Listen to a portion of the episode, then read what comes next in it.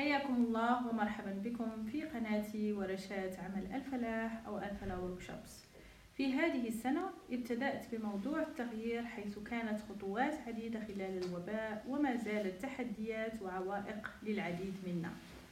في المواضيع السابقة أشرت إلى سبب هذه التحديات وقمت بتقديم أفكار للتغلب على ثلاث مستويات حيث أن الإنسان يفكر على مستوى العقل يحس على مستوى القلب ثم يعمل على مستوى الفعل.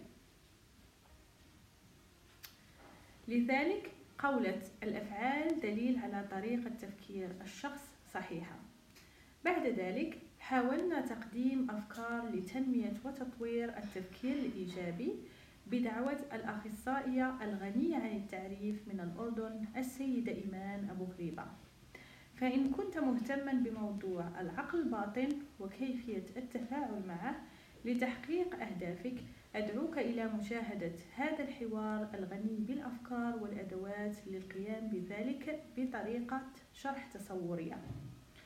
ما دمنا نفكر نحس ثم نعمل فكلنا مسؤول عن نظام معين سواء كانت عائلة شركة أو غير ذلك.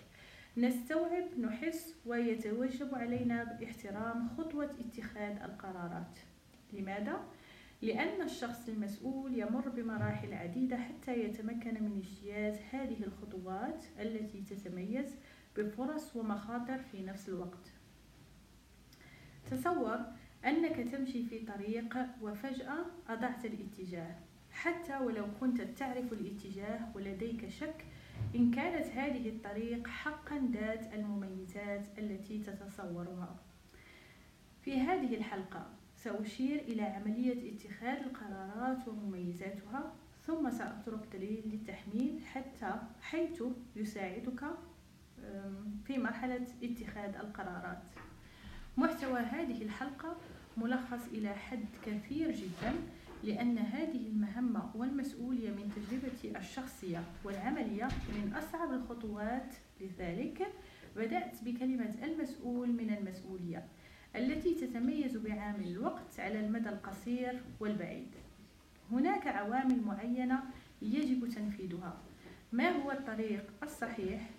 هذا السؤال يتعلق بأهدافك الرئيسية والثانوية. إذا لم تتعرف على الصورة النهائية التي تعمل على تحقيقها فمن وجهة نظري سيكون القرار هنا على مدى قصير.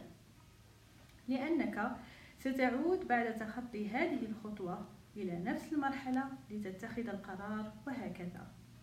كما ترى تحديد الأهداف وسيلة تساعدنا للتعرف على الاتجاه الأنسب لحالة ومسألة معينة. مسألة العوامل اجعل جميع المستويات الأربع أمامك وخذها بعين النظر حيث يمكن أن يكون مستوى من هذه المستويات التحدي الأكبر في الطريق التي تتخذها. من أصعب المراحل في هذا العمل والدور كمسؤول هو تحديد الإمكانيات الممكنة حيث لا نعرف فورا الإمكانيات بل يجب أن نعمل على تحديدها. سؤالي للمشاهد كيف تتخذ قراراتك؟ وما هو التحدي الذي واجهته خلال هذه العملية؟ إن كنت مهتما بالمزيد من المعلومات حول هذا الموضوع فاترك تعليقك في صندوق الوصف. شكرا على المشاهدة وإلى اللقاء مع ورشات عمل الفلاح